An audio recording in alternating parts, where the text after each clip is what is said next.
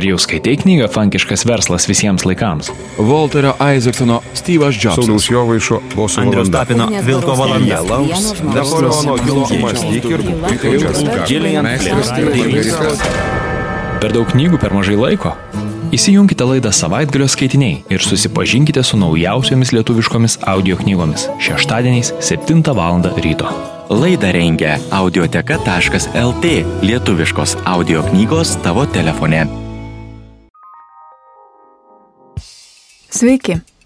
Artimiausią pusvalandį su jumis laida Savaitgalio skaitiniai ir aš, Ernesta Platukytė. Šiandien norėčiau jūs supažindinti su Anetos Andros audio knyga Paleistuvės arba Meilė pagal Nürnbergo mergelę. Šią audio knygą įgarsino Airida Gintautaitė ir Andrius Belobžeskis. Audio knygoje girdėsite skambant Sodeikos muziką. Retenybė šiandien tapęs puikus žodžio valdymas, tarsi iš Šekspyro dramų persikėlė itin scenografiški vaizdiniai, tai bruožai aiškiai išskiriantis Anetą Andrą jaunųjų rašytojų plejadoje ir neleidžia su niekuo supainioti savitos jos manieros. Kaip teigia rašytojas Alvidas Šlepikas, Aneta rašo apie tai, kas rūpi kiekvienam - apie meilės paieškas, jos neišvengiamybę ir prakeiksmą likti įkalintam savo vienatvėje. Blizgančių žavingos kasdienybės paviršiumi slidinėja du mūsų laikų herojai. Į praeitį nueinančio pasiputimo ir susireikšminimo pilnas aktorius ir šiuo laikinių banalybių epicentrų komentatorius žurnalistas. Pasakojama meilės istorija miglota, pilna sapnų ir nutilėjimų. Knygoje susipina moters nuojautų, jausmų ir sapnų įlieda. Taip moteriška, liūdna ir aistringa. Netrukus išgirsite ištrauką iš Anetos Andros audio knygos Paleistuvės arba Meilė pagal Nürnbergo mergelę. Ir patys galėsite įvertinti šį mislingos jėgos kupiną kūrinį. Audio knygą įgarsino Airida Gintautaitė ir Andrius Belobžeskis. Labas vakaras. Viduramžiais mane būtų įgrūdę į gražią spintą, puoštą įmantrių rašto ornamentais ir uždarę joje. Netrukus išorė nusidažytų raudoną spalvą. O nerinių grožis, o rašto ornamentai, neseniai sakė man jis. Spintos viduje aštrus digliai, jie akimirksniu susmiktų į baltą odą, šiltą mėsą ir vėl į odą, jau iš kitos pusės. Taip, aš esu paleistuvė.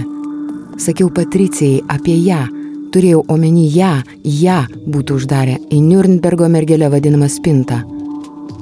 Aš esu paleistuvė. Noriu papasakoti istoriją, kuri įvyko Vilniuje, bandau rasti tos istorijos liudytoją, tačiau niekas apie ją nėra girdėjęs.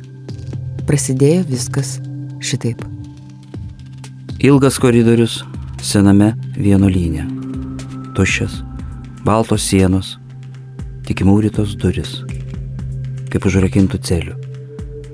Palangės nukrautos deimantais. Noriu atiduoti kambarinį jo rankomis vertą savo vėrinį, kaip užstatą. Užstatą ko? Čia vėrinių galybė, niekam manasis nereikalingas. Iš jų pagamintos užuolaidas, įvairių akmenų vėriniai barška, daužydamėsi vienas į kitą, nes pro plyčius traukia skersvėjas. Aš bėgu nuo dviejų kraupių senių, įpuolu į vieną kambarį ir užtrenkiu duris. Senės stumia duris iš išorės, aš visų kūnų stengiuosi atremti, užšaunu seną klastį, užkabinu kablį, atsisuku. Ant lovo sėdi paklaikusi mergina vienais naktiniais, ilgais, išsidraikiusiais nešukuotais plaukais. Jie mane varo iš proto, sako ji verkdama. Aš apsidairau, nieko nėra. Staiga pasirodo didelis rožinės spalvos kiškis, toks pat kaip leiboj zuikis. Jis laiko tuščią vaikišką vežimėlį, tokį, kokius visi čia turėjo sovietiniais laikais. Vežimėlis prikrautas krūvinos mėsos gabalų. Kiškis ima sukti ratus aplink mudvi. Garsiai juokiasi, stumdydamas vežimėlį. Mergina rėkia užsidengia akis. Aš jai sakau, čia nieko nėra. Ji rėkia. Prieinu prie kiškio. Sustabdau jį. Suimu jam pečius abiem rankomis ir žiūriu į akis. Tavęs čia nėra. Kiškis su vežimėliu išnyksta. Palieku merginą vieną, ji verkia, apsikabinusi kelius rankomis. Ieškau savo močiutės. Noriu paskambinti, renku seną į savo namų telefoną, visą laiką užimtą. Koridoriuje tarp suverstų senų laikraščių mėtosi telefonų knyga. Imu ją ir ieškau močiutės numerio pagal adresą. Skambinu. Atsiliepia telefonistė. Kodėl jūs čia skambinate? Aš ieškau savo močiutės. Jums čia skambinti negalima. Man labai reikia. Prašau, sujunkite su ją. Na gerai. Pyp. Alio? Močiutė išėjo. Kur? Juk naktis. Ji išėjo. Neskambinkite čia niekada. Jums dar per anksti. Senės mane pasivėja ir atima telefoną. Vienuolynė pilna vyrų. Vienas jų prieina ir glosto man skruostą. Aš jaudinos. Kas nutiko mano močiutei? Kai aš miriau, pamačiau milžinišką fotografiją. Abipus žalio ežero plyti dvi pievos - žemogių ir pienių. Žemogių pievoje sirpsta raudonos uogos, pienių, geltonoja minkšti žiedai. Abi pievas juosia tankus tamsus pušynas. Kaip priešingose ežero pusėse skirtingi mėnesiai. Pienių pievoje stovi vyras ir žiūri į ežerą. Žemogių pievoje stovi kitas vyras ir žiūri į ežerą. Vanduo lygus, nejudantis. Nemenkiausia vėjelių. Nei saulės ar debesų, nei erdvės aplink. Dvi pievos, ežeras ir miškas. Ir du vyrai. Aš supratau, kad jokio rojaus, nei pragaro, nei tunelių su švieselėmis po mirties nėra. Yra šitas vaizdas, kurį man kažkas nuleido iš viršaus. Ir šitas vaizdas nesikeis šimtmečiais, tūkstantmečiais, milijonais metų. Aš neturėjau akių, tad negalėjau pasukti žvilgsnio kitur. Neturėjau kojų, negalėjau eiti gilyn į mišką. Neturėjau kūno. Negalėjau panirti į vandenį ir likundinę vilioti tuos du vyrus plaukti artyn. Šitas vaizdas be menkiausio pasikeitimo ir yra mano pomirtinis gyvenimas. Pirma dalis - Anikės ir aktoriaus Meškinas. Naktį susiras klunatiką ir papasakok jam savo paslaptis. Istorijos pradžia. Jis. Anikė. Nuogas jis virpėjo nuo vasariško šalčio, tiksliau iš siaubo, nes diena buvo karšta. Į kūną skverbėsi nepaaiškinamas anapusinis slogutis. Stovėjo didelio tuščio kambario vidury, aplink įmantrų, neriniais puoštą šviestuvą, ratu sukosi musės, balkono duris buvo šiek tiek praviros, bet kambario, atgręžto į šiaurinę pusę, niekada nepasiekdavo šviesa. Nežinodamas, ar gali atsisėsti ant baltą drobę užtesto masažinio stalo, jis skaitė užrašus. Lentynos lūžo nuo knygų, dūsaujančių įvairiomis pasaulio kalbomis. Ayurveda, ezoterika, anapusybė, žalias maistas, šviesos terapija, netradiciniai gydimo būdai, maorių legendos, praeiti gyvenimai, maorių padavimai, maorių istorija, maorių kilmė, maorių papročiai. Jis nepatikliai dairėsi aplinkui. Po Vilnių. Netikėjo jis tais burtais. Paaiškinimas, kas jis toks. Tai buvo žurnalistas. Jaunas vyras pajudusiais pajakiais, turintis žinia nuo ko, kokainas, atsiradusi įprotį braukyti pirštų per nosį, gana lieknas, tačiau kamuojamas neapsakomo potraukio ledams, blynams ir šokoladui, suvalgydavo tiek, kiek būdavo padėta ant stalo. Paskui nejučia valydavosi pirštus į kelnių klešnes, įprotis liko nuo neprižiūrėtos ir nesužiūrėtos vaikystės. Konkurentai jo neapkentė, kadangi rašė Anikė stulbinamai. Darbdaviai jo nemėgo, honorarus Anikė įsireikalaudavo milžiniškus, tačiau be jo leidinys būtų tapęs beveidis. Vieno televizijos kanalo veidas, vedantis analitinės pokalbių laidas geriausio eterio laiku, o atsiputimui pakalbinantis žvaigždės ir išvelkantis į dienos šviesą jų kvailybės, žmonės anikiai pasakydavo tokių dalykų, kurių net savo neprisipažindavo.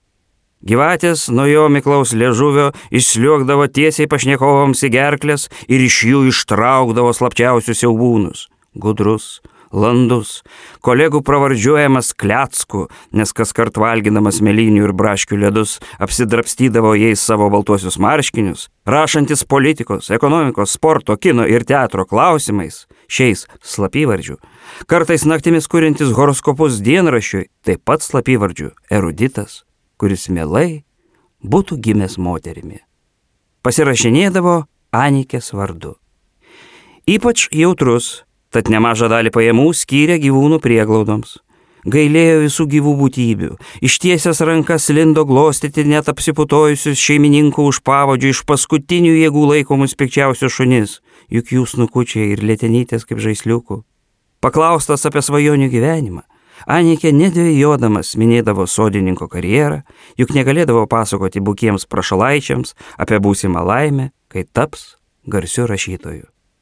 Augalus jis mėgo ir niekad nepamirždavo nusipirkti gėlių. Namuose įvairaus dydžio ir formų vazose Anikė jas meiliai vadino vazėmis, imituojančiose antikinės, gėlės niekad nenuvyzdavo, tik suglebus žiedams Anikė jas keitė kitomis. Tenka pripažinti, jog nei kastuvo, nei kauptuko, nei žoliapjovės ar grėblio žurnalistas rankose nebuvo laikęs ir net nebūtų sugebėjęs persodinti kambarinės gėlės, ką jau kalbėti apie sodo priežiūrą. Vis dėlto sodininko darbą jis įsivaizdavo kaip romantiškiausią pasaulyje. Sauliai kylant, vaikštinėjai, uostydamas kvepiančias gėlės ir grožėdamasis dailiai apkarpytais krumeliais. Nekartą gavęs apdovanojimų už narsą ir drąsą filmuojant reportažus pavojingose pasaulio taškuose, žurnalistas, kurį vadinsime jam tokiu mielu Anikės vardu, dabar puoselėjo kitą tikslą. Šventai įsitikinęs, jog laimė tai turėti labai daug pinigų ir laisvę kurti, šiuo metu jis buvo tik pusėtinai laimingas. Dienraštis, kuriame mūsų pasakojimo metu dirbo Anikė, mokėjo gerai, bet puikiai valdydamas plunksną, Žurnalistas svajojo parašyti itin skaitomą romaną ir spjovėsi rūpinių kaimo aktualijas, taip jis vadino savo tėvynę, apsigyventi Toskanoje. Tos pačios dienos, kai atsidūrė klajūnės buveinėje rytą, Skubėdamas pilies gatvę su kišenėje barškančiais diktofonu ir keliais akmenėliais, surinktus Nydos pajūrėje po audros, žurnalistas jos nešiojasi kaip dvasia stiprinančius ir nuo piktos energijos, taip dažnai jo darbe pasitaikančius, apsaugančius talismanus, Anikė spėliojo, su kuo tiek susidurti, vykdant naują užduotį. Ir ar pavyks surinkti reikiamą informaciją, nuo kurios galbūt priklausys jo karjera. Bent jau honoraras, tai jau tikrai. Žurnalistas svajojo šio būsimo straipsnio pinigėlius tingiai praleisti atostogas Iskijos saloje, ten, kur kūrė Henrikas Ibsenas, Trumanas Kapotė ir kur Elizabeth Taylor vaidino Kleopatrą. Šiek tiek mystikas iš prigimties, Anikė buvo įsitikinęs, jog tokioje Neapolio įlankos vandenų skalaujamoje saloje pasisems kūrybinės energijos ir pagaliau metęs įkyrę žurnalistiką, atsidės plačiai skaitomų romanų rašymui. Ir šis užsakymas buvo puikia proga garsiai, garbingai, skandalingai atsisveikinti su amatu, kuris jam buvo įgrysęs iki gyvo kaulo, sukelti tikrą sensaciją papasakojant tai, ko niekam nepavyko atkasti. Vilniuje sklandė gandai, paskalos, apkalbos, tačiau tiesos nežinojo niekas.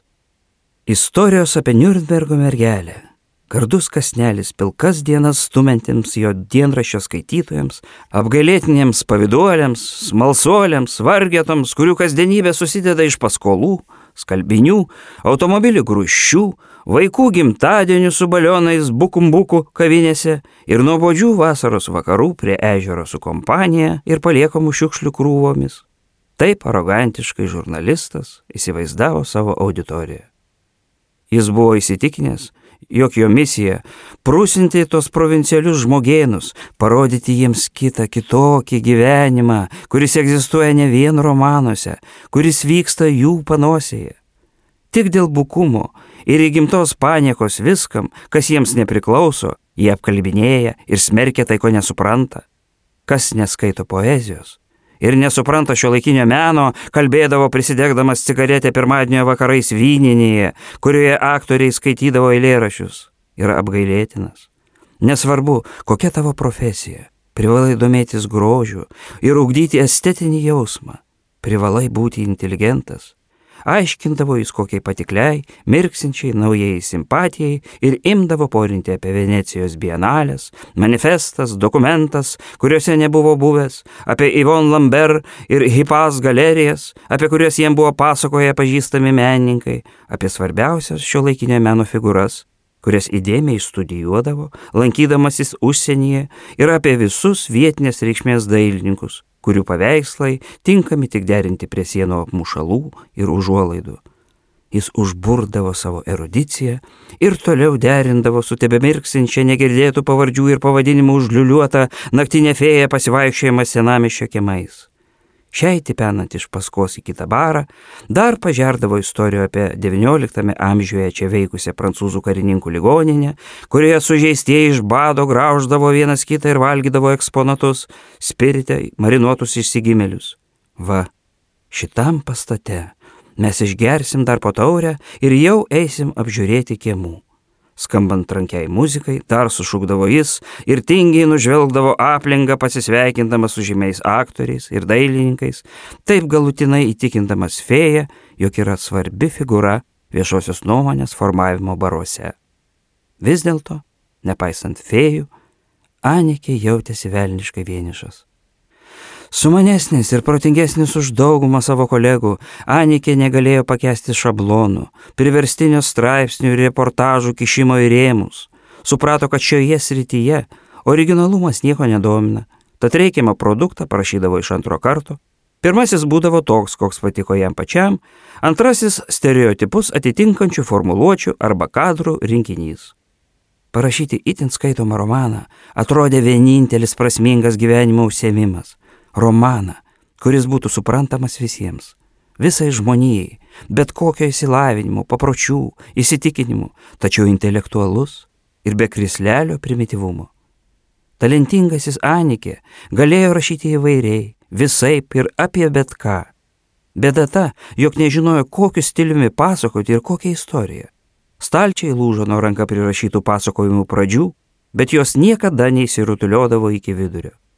Pats Anikė mėgo nepopuliarius kuriejus, o itin skaitomųjų knygas su įsiučiu mesdavo į konteinerį.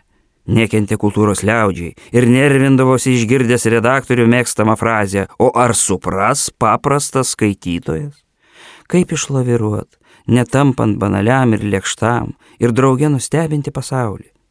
Šitaip svarstydamas, Jau daugelį metų Anikė įdėmiai skaitė Nobelio, konkūrų bei visų kitų literatūros premijų laimėtojų kūrinius ir mokėsi iš jų. Svajojo persikelis daug metų praeitin, parsisamdyti Mikhailo Bulgakovo kambarinę. Kad ir kokių literatūrinių privalumų turėdamas, Anikė nuolat dvėjojo dėl savo pašaukimo. O gal jis turėtų tapti garsiu astronautu? Arba šokėjų? O gal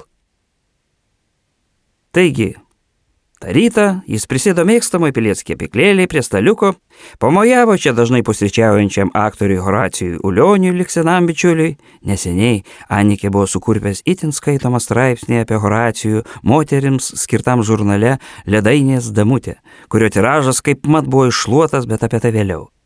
Tačiau tas jį neatkreipė nedėmesio, tad šiek tiek susinervinęs, užsisakė kavos ir blinelį su varške ir išsitraukė užrašus nutaisęs poeto kankinio išraišką ir dar kartą žvilgtelėjęs į aktorių, kuris atkakliai nenorėjo jo pažinti, žurnalistas išbraukė dvi atžagarė ranka pakraigaliotas pastraipas ir ėmė rašyti.